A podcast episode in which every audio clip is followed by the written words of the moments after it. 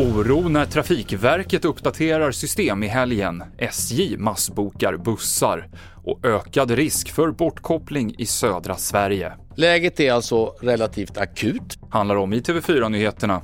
Vi börjar med att berätta att en man i 40-årsåldern begärs häktad för ett styckmord på en 18-årig kvinna som försvann för 20 år sedan i Malmö. Svampplockare hittade hennes huvud i en skog utanför Svedala hösten 2003. Resten av kroppen var försvunnen till 2017 då den hittades på en byggarbetsplats.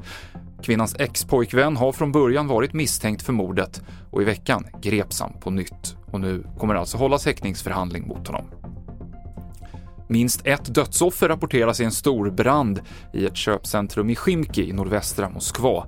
Myndigheter utesluter inte att branden var anlagd.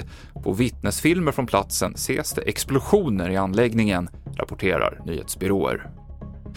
Statsminister Ulf Kristersson varnar för att läget för det svenska elsystemet är citat “relativt akut”. Slut citat.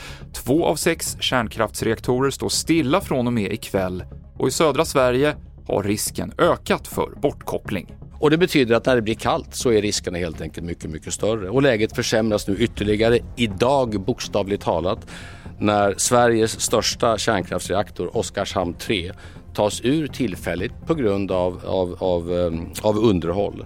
Och det betyder också att Svenska kraftnät som kommer komma in här senare, eh, deras varning gick från låg till reell risk för bortkoppling. Mer om elläget på TV4.se. Och efter veckans tågstök seglar det upp nya orosmoln i helgen. På söndag ska det ske en stor uppdatering av Trafikverkets IT-system. Verket säger att det inte går att garantera att det inte blir kaos och det är risk att tågbolagen drabbas av störningar. För SJ har det här skapat så mycket oro att man har bokat upp varenda ledig buss i hela Sverige. Det säger SJ till Aftonbladet. TV4-nyheterna med Mikael Klintevall.